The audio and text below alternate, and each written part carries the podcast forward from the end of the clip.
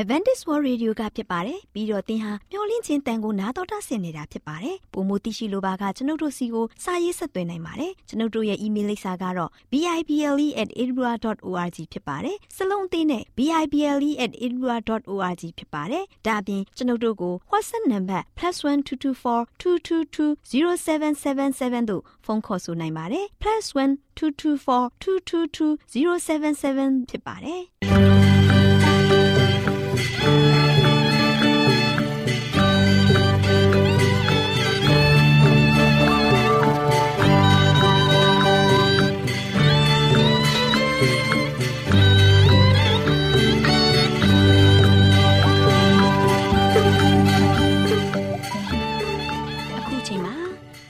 ကိုမျော်လင့်သောတတ္တမနေ့အသင်းတော်ရဲ့ရေဒီယိုအစီအစဉ်ဖြစ်တဲ့ AWR မျော်လင့်ခြင်းအတန်လွင့်အစီအစဉ်ကိုစတင်တန်လွင့်မှာဖြစ်ပါတယ်ရှင်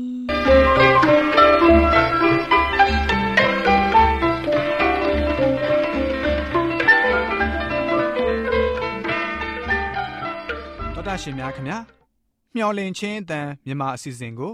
နက်နက်6နိုင်မိနစ်30မှ9နာရီအထိ16မီတာ။ kHz 10653ညညပိုင်း9နာရီမှ9နာရီမိနစ်30အထိ16မီတာ kHz 19533ညမှနေ့စဉ်အတန်လှွင့်ပေးနေပါတယ်ခင်ဗျာသောတာရှင်များရှင်ဒီကနေ့တင်ဆက်ထုတ်လွှင့်ပေးမယ့်အစီအစဉ်တွေကတော့ကျမ်းမာပျော်ရွှင်လူပေါင်းတွင်အစီအစဉ်တရားဒေသနာအစီအစဉ်အထွေထွေဘုဒ္ဓအစီအစဉ်တို့ဖြစ်ပါတယ်ရှင်သောတာရှင်များရှင် Our temperament လာပန်ကျမ်းမာခြင်းသည် လူသားတိုင်းအတွက်အထူးအရေးဖြစ်ပါသည်။ဒါကြောင့်ကိုရောစိတ်ပါကျမ်းမာစေဖို့ယင်ကျမ်းမာခြင်းတရင်ကောင်းကို တင်ဆက်ပေးလိုက်ပါတယ်ရှင်။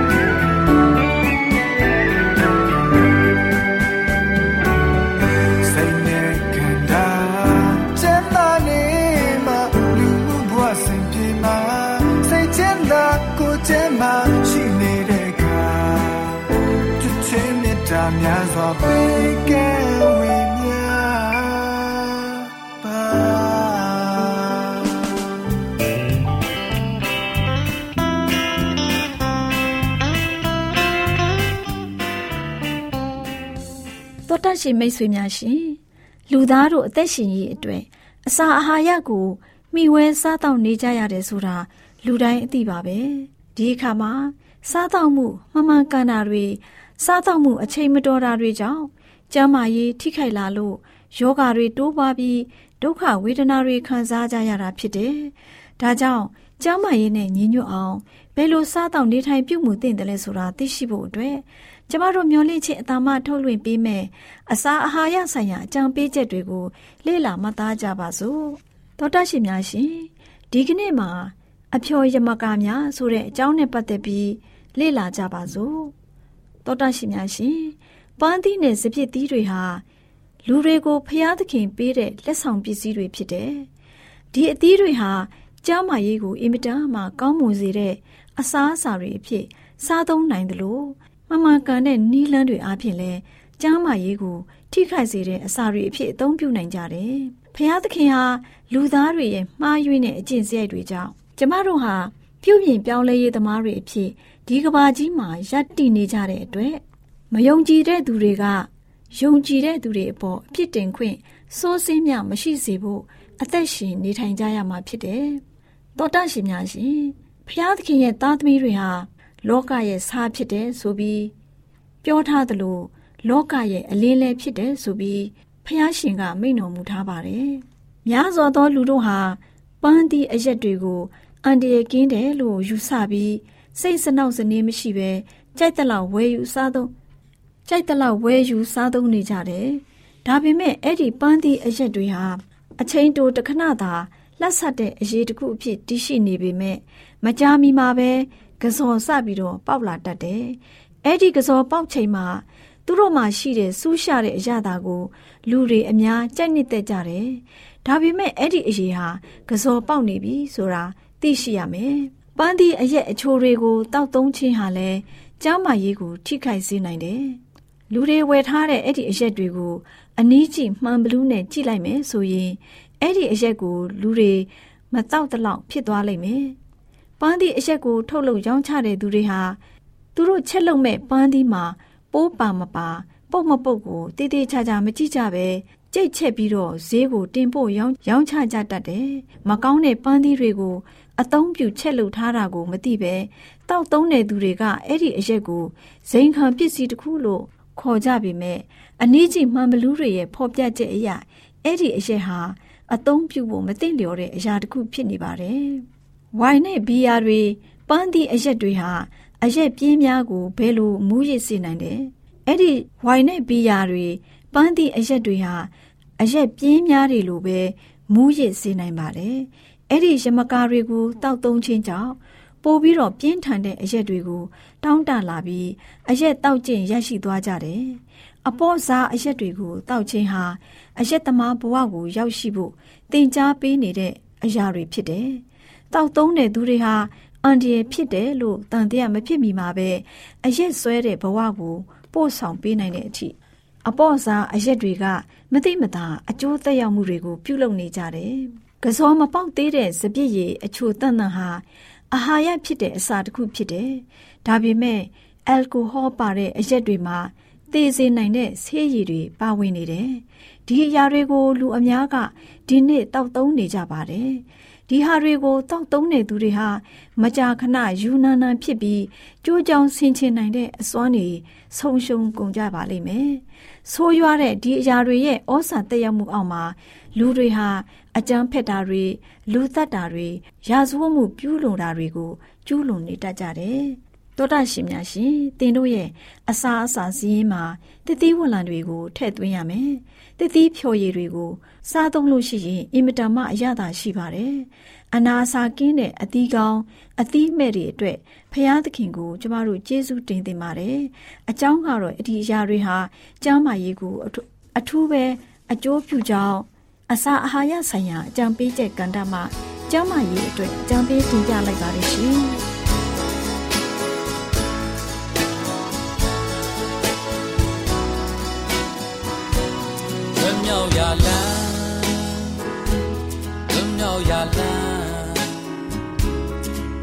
ရှင်ရာလမ်းဝမ်းမြောက်ဖွယ်တဲ့ယေရှုဖျားများပြုခဲ့ပြီမောင်မိုင်ဖုံးလွန်လောကကြီးကျွဲစင်ထွန်းလင်းလန်းပြမဲ့သူပါမြောက်ရာလမ်းမြောက်ရလန်း အသက်ရှင်ရလန်းဝမ်းမြောက်ပွက်တဲ့ယေရှုဖျားမြတ်ပြုခဲ့ပြီ On my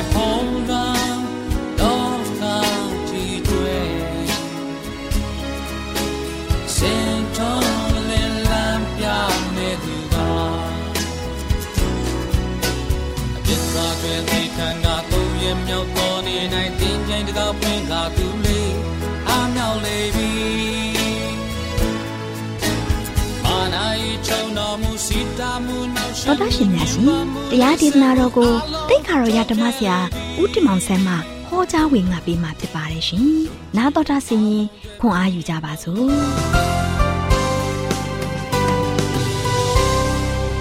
။ချစ်တော်ဓမ္မမိတ်ဆွေတို့မင်္ဂလာပါလို့ရှစ်စွာနှုတ်ခေါ်သတ်ကြပါတယ်ဒီနေ့မင်္ဂလာရှိသောနေ့တစ်မှာချစ်တော်မိတ်ဆွေများ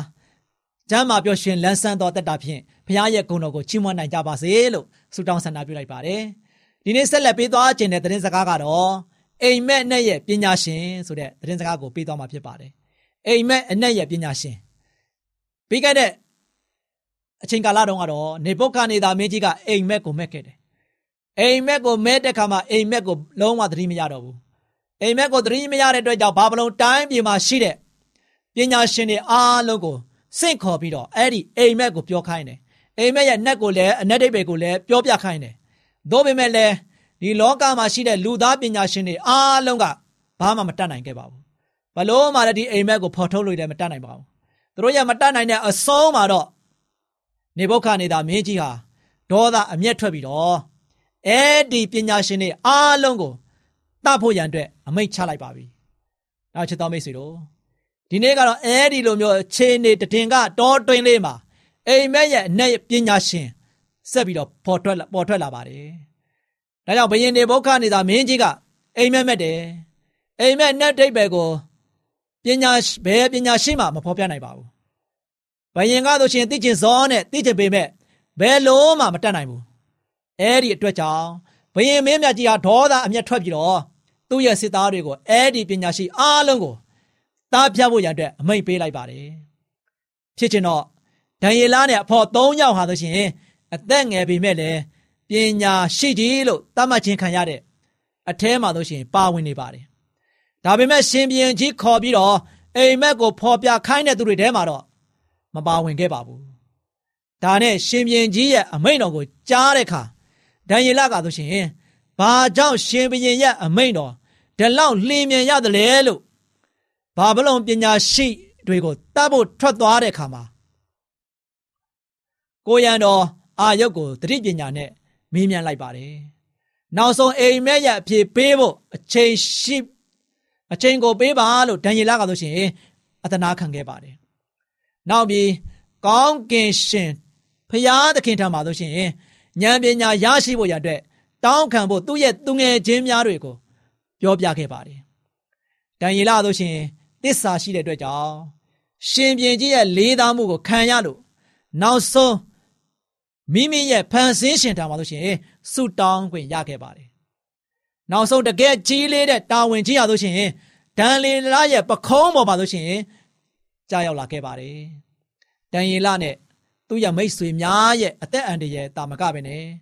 ဘာဗလုန်ပြည်ကြီးမှာရှိကြကုန်သောပညာရှိတွေရဲ့အသက်အန္တရာယ်ဟာအလွန်ကြီးမားနေပါတယ်။ဒန်ယေလလည်းသူ့အိမ်ကိုပြန်ပြီးတော့အဖြစ်ပြက်တွေကိုရှင်းလင်း တင်ပြခဲ့ပါတယ်။အသက်ကိုချမ်းသာပေးဖို့ရောခက်ခဲနေနေတဲ့အိမ်မက်ရဲ့အ내ဒိတ်ပဲကို နားလည်ဖို့ရောဖျားထံမှာဆိုရှင်သူဆုတောင်းကြပါတယ်။သူတို့ဆုတောင်းကြပါတယ်။ဒါနဲ့ပဲအားလုံးအသက်ချမ်းသာခွင့်ရမှာဖြစ်ကြောင်းမြတ်စွာဘုရားသခင်ထံအတနာခံကြပါတယ်။တကယ်ကိုအတိတ်ပဲရှိတဲ့ဆုတောင်းစီဝေဖြစ်မှာအမှန်ပါပဲ။ဒါကြောင့်ဟေပြဲလူငယ်၄ယောက်ဟာဆိုရှင် ဘယင်မင်းမြတ်ကြီးရဲ့အိမ်မက်နဲ့အ내ဒိတ်ပဲကိုအချိန်မစစ်ခင်ဖော်ပြပေးဖို့ဆုတောင်းခဲ့ကြပါတယ်။ဖရာသခင်ဟာဒံယေလနဲ့အဖော်တို့ရဲ့ဆုတောင်းတန်ကို နားညောင်းတော်မူခဲ့ပါတယ်။အဲ့ဒီညမှာပဲအိမ်မက်ကိုရောအိမ်မက်ရဲ့အ내ဒိတ်ပဲကိုရောသိရှိဖို့ရန်အတွက်ဒံယေလအတွက်ယူပါယုံတဲမှာဆိုရှင်ဖော်ပြခဲ့ပါတယ်။ဒံယေလဟာကောင်းကင်ဘုရားအရှင်ထာဝရဘုရားကို ကောင်းချီးပေးတော်မူပြီးတော့ဂျေစုတော်ကိုချီးမွမ်းခဲ့ပါတယ်။ဒါကြောင့်ဒန်လေလနာဂတိကြံခန်းကြီးနဲ့ငွေ23မှာအကျွန်ုပ်ဘိုးဘေးတို့၏ဘုရားသခင်အကျွန်ုပ်အားပညာစမ်းရည်ပကာတတ္တိကို ပေးသနာ၍အကျွန်ုပ်ဆုတောင်းသည့်အတိုင်းရှင်ပြန်၏အိမ်မက်ကိုဖွင့်ပြတော်မူသောဂျေစုတော်ကိုချီးမွမ်းပါ၏ဟုဒံယေလမွဲ့ဆိုခဲ့ပြီ။တွေးကြည့်ပါချစ်တော်မိတ်ဆွေ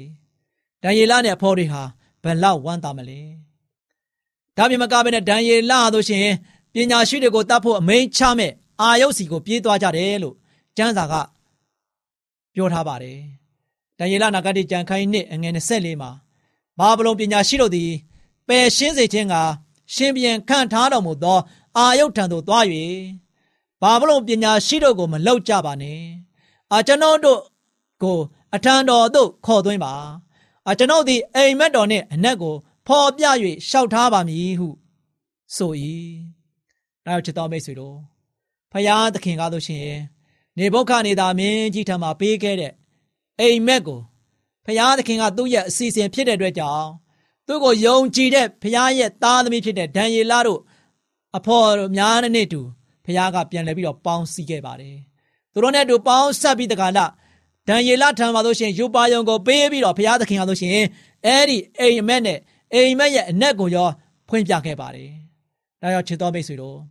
ဖရာသခင်ကလို့ရှိရင်ကျွန်တော်ကျမတို့အားလုံးကိုသိချစ်တဲ့ဖရာဖြစ်ပါတယ်။ဖရာသခင်ကသူ့ကိုချစ်တဲ့သူတွေပေါ်မှာအမြဲတမ်းပဲအားကိုးတဲ့ဖရာလည်းဖြစ်ပါတယ်။ဒါကြောင့်ချစ်တော်မိတ်ဆွေတို့ယနေ့ဒံယေလရဲ့အသက်တာမှာလို့ရှိရင်ဖရာနဲ့တူလက်တွဲခဲ့တဲ့ခါမှာသေဘေးကနေမှတရင်ကတော်တွင်လေးသေဘေးကနေမှလွတ်မြောက်လာပြီးတော့ဘုရားသခင်ရဲ့လူချင်းခွင့်နဲ့တူ သူတို့ကဆိုရှင်ရှင်ဘီရင်ရဲ့နန်းတော်ထဲမှာခါစားဝင်ရောက်ခွင့်ရခဲ့ပါတယ်။ဒါကြောင့်ချစ်တော်မိတ်ဆွေတို့ဖရာသခင်အားလို့ရှိရင်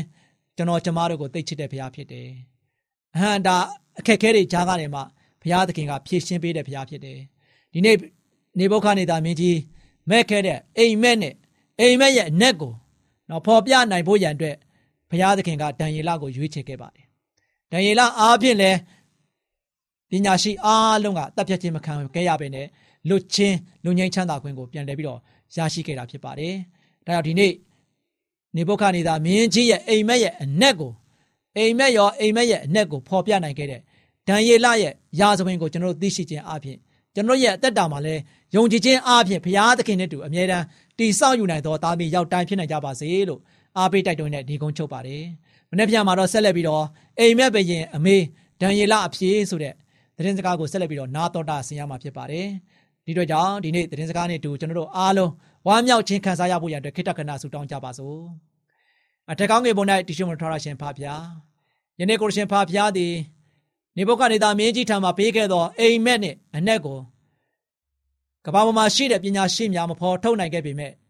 ကိုရှင်ဖဖျားသည်ကိုရဲ့အစီအစဉ်ကိုကိုကိုယုံကြည်သောဒံယေလနှင့်အဖော်များရဲ့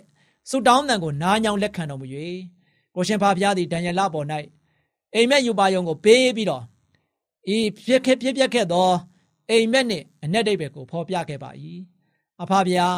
ဒီသားရာဇဝင်မှတန်းသည်တာသမီးတို့အတွက်မှတ်တမ်းတင်ပြီးတော့တိဆောက်ဖွယ်ရာများဖြစ်တဲ့အတွက်ကြောင့်ဒီရာဇဝင်အကြောင်းတွေကိုကြားရတဲ့ခါမှာသားမတို့ရဲ့တက်တာဒီကိုရှင်ဖျားရဲ့စီမံကိန်းကိုကောင်းမစွာနားလည်သဘောပေါက်နိုင်သောတာမီတီးတီးဖြစ်ပေါ်ရန်အတွက်လည်းမာသမီအကြောင်း ။တပါတော်သားသခင်ခရစ်တော်၏နာမတော်ကိုမြှုပ်ပြီးဆုတောင်းပါတယ်ဖာဗျာ။အာမင်။ခရစ်တော်ဖျားရှင်အားခရစ်တော်ဖျားရှင်အား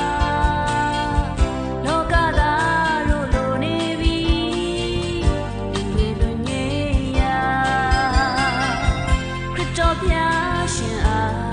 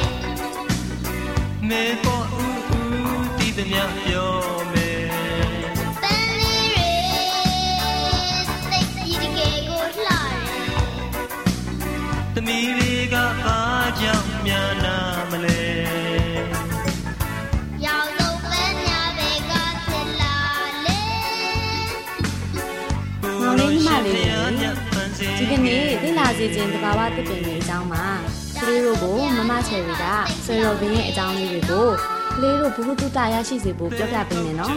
သေချာနားထောင်မှတ်သားကြနော်ဟုတ်တယ်ပါမမချယ်ရီနားထောင်မှသာပါမယ်ရှင်မောင်လေးညီမလေးတို့ရေဆွေတော်ပင်ကိုလေမဟာလေကားဖြူလို့လည်းခေါ်တယ်ကွဆွေတော်ပင်ကိုမျိုးစေ့ကနေပြီးတော့စိုက်ယူကြတယ်ဆွေတော်ပင်ကနေပြီးတော့ဆွေတော်ရွက်ပတ်ပွင့်ကလေးတွေကအပင်တက်တန်းနှစ်နှစ်ဒါမှမဟုတ်ရင်သုံးနှစ်လောက်မှပန်းပွင့်နေကွ အဲ့ဒီဆွေတော်ပင်မျိုးကိုမမချယ်ရီတို့နေထိုင်တဲ့မြန်မာနိုင်ငံအပြင်အိန္ဒိယနိုင်ငံမာလာယုကျွန်းဆွယ်တရုတ်နိုင်ငံတွေမှာလည်းတွေ့ရှိရတယ်ကွအဲ့ဒီအပြင်အင်္ဂလန်ပြည်တစ်တော်တွေမှာလည်းတွေ့ရှိရသေးတယ်လေကဲဆွေတော်ပန်းပွင့်လေးတွေကိုဘယ်သူတွေ့ဘူးလဲကွဟုတ်ကဲ့တွေ့ဘူးပါတယ်မမချယ်ရီဟုတ်လားကလေးတို့ကဆွဲတော်ပန်းပွင့်တွေကိုတွေ့ဘူးကြတာပဲအိတ်ကွယ်ဒါဆိုရင်ဆွဲတော်ပန်းပွင့်ရဲ့အယောင်ကဘလို့အယောင်လေးလဲကွ အဖြူရောင်လေးပါမမချယ်ရီဟုတ်တယ်ကွလုံးလုံးပြောတာမှန်တယ်ပန်းပွင့်အယောင်လေးတွေကအဖြူရောင်လေးဖြစ်တယ်ဒါပေမဲ့ကလေးတို့သတိမထားမိတဲ့အရာတစ်ခုရှိရဲ့အဲ့ဒါကလေဆွဲတော်ပင်ရဲ့ထူးခြားမှုတစ်ခုပဲအဲ့ဒီထူးခြားမှုကိုဘယ်သူသိလဲကွတာတိပါတယ်မမချယ်ရီကဲသားလေးလင်းလင်းကသိတယ်ဆိုတော့ဘာများပါလိမ့်ကွယ်တခြားသူတွေသိအောင်ပြောပြပေးလိုက်ပါဦးဆွေတော်ရက်ပါမမချယ်ရီ။အိုးသားလေးလင်းလင်းကတော်လိုက်တာကွယ်။လင်းလင်းပြောတာမှန်တယ်ကွယ်။ ဆွဲတော်ပင်ရဲ့ထူးခြားတဲ့အချက်ကတော့ဆွဲတော်ရွက်ပဲဖြစ်တယ်ကွယ်။အဲ့ဒီထူးဆန်းတဲ့အရွက်ကလေးကြောင့်ဆွဲတော်ပင်ကိုလူသိများခြင်းဖြစ်တယ်လေ။အဲ့ဒီရွက်လေးကအသေးနှမွာနဲ့တူတဲ့အရွက်ပုံစံလေးဖြစ်တယ်။မမချယ်ရီတို့လူသားတွေအတွက်လည်းပုံစံနမူနာပေးတဲ့ချင်းမြတ်တာတတ်တဲ့သင်္ကေတလေးတစ်ခုဖြစ်တယ်။ဘလို့တန်ကြီးတားတယ်မမချယ်ရီ။အော်ဒီလိုပါကွယ်။ကလေးတို့နားလဲအောင်ရှင်းပြရမယ်ဆိုရင်တော့ဆွေတော်ရက်ကလေးတွေက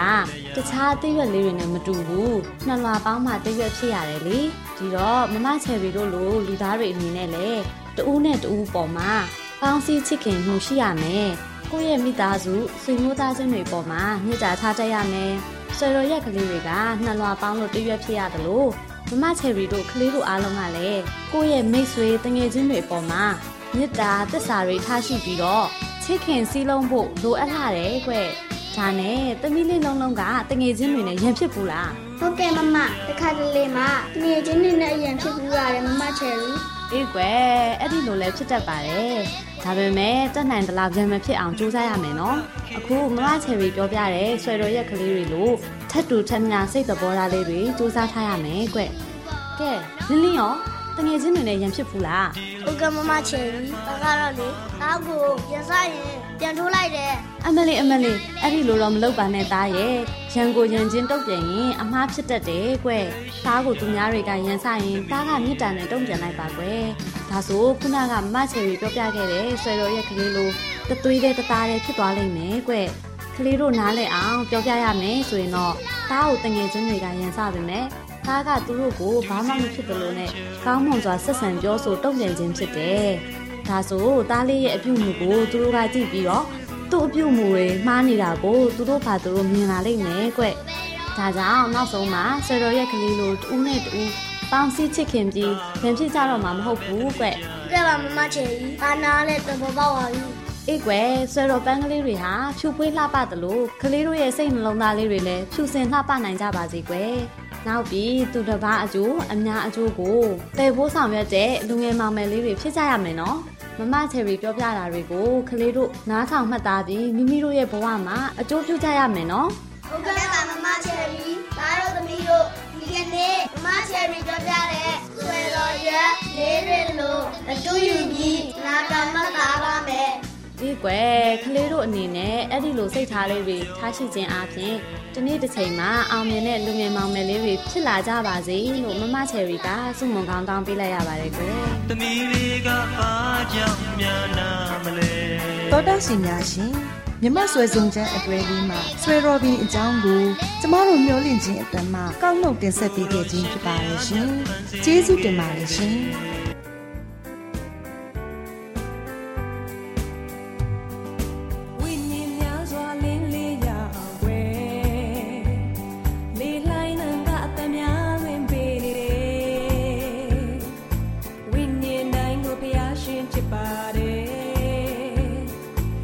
te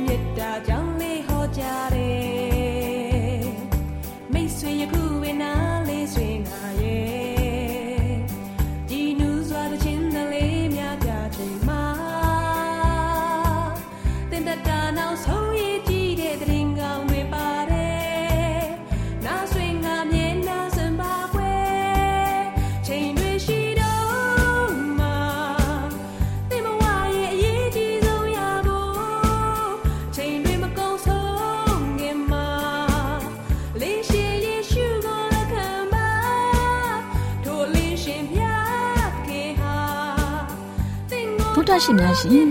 ကျမတို့ရဲ့ဓာတ်ရိတ်တော်စပေးစာယူတင်နန်းဌာနမှာ အောက်ပါတင်ဒားများကိုပို့ချပေးလျက်ရှိပါတယ်ရှင်တင်ဒားများမှာဆိဒ္ဓတုခရှာဖွေခြင်းခရစ်တော်၏အသက်တာနှင့်တုန်တင်ချက်များတဘာဝတရားဤဆရာဝန်ရှိပါကျမ်းမာခြင်းနဲ့အသက်ရှိခြင်းသင်နဲ့တင့်ကြမာရေးရှားဖွေတွေ့ရှိခြင်းလမ်းညွန်သင်ခန်းစာများဖြစ်ပါရဲ့ရှင်သင်တန်းအလုံးဟာအခမဲ့သင်တန်းတွေဖြစ်ပါတယ်ဖြစ်ဆိုပြီးတဲ့သူတိုင်းကို ဂုံပြုလွှာချင်းမြင့်ပေးမှာဖြစ်ပါရဲ့ရှင်တော်တာရှင်များခင်ဗျာဓာတိတော်အတန်းစာပေးစာယူဌာနကိုဆက်သွယ်ခြင်းနဲ့ဆိုရင်တော့ဆက်သွယ်ရမယ့်ဖုန်းနံပါတ်ကတော့39 656 296 336နဲ့39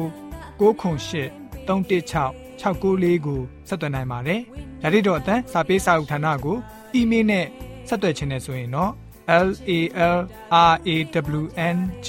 b a w l a @ gmail.com ကိုဆက်သွင်းနိုင်ပါတယ်။ဒါ့အပြင်အတန်းစာပေးစာဥထာဏာကို Facebook နဲ့ဆက်သွယ်ခြင်းနဲ့ဆိုရင်တော့ s o e s a n d a r Facebook အကောင့်မှာဆက်သွင်းနိုင်ပါတယ်။တော်တာရှင်များရှင်ညှိုလင့်ချင်းတန်ရေဒီယိုအစီအစဉ်မှာတင်ဆက်ပေးနေတဲ့အကြောင်းအရာတွေကိုပိုမိုသိရှိလိုပါကဆက်သွယ်ရမယ့်ဖုန်းနံပါတ်များကတော့39ကို663 986 126ဖြစ်ပါတယ်ရှင်။နောက်ထပ်ဖုန်းတစ်လုံးနေနဲ့39ကို6 6 688 669တို့ဆက်သွယ်မြင်းမြန်းနိုင်ပါတယ်ရှင်။တော်တာရှင်များရှင် KSTA အာကခွန်ကျွန်းမှာ AWR မျိုးလင့်ချင်းအတံမြန်မာအစီအစဉ်များကိုအတံလွှင့်ခဲ့ခြင်းဖြစ်ပါတယ်ရှင်။ AWR မျိုးလင့်ချင်းအတန်ကိုနာတော်တာဆင် gay ကြတော့တောတာရှင်အရောက်တိုင်းပေါ်မှာဖျားသခင်ရဲ့ကြွယ်ဝစွာသောကောင်းကြီးမင်္ဂလာတက်ရောက်ပါစေ ကိုစိတ်နှဖျားစမ်းမွှင်လန်းကြပါစေကျေးဇူးတင်ပါတယ်ခင်ဗျာ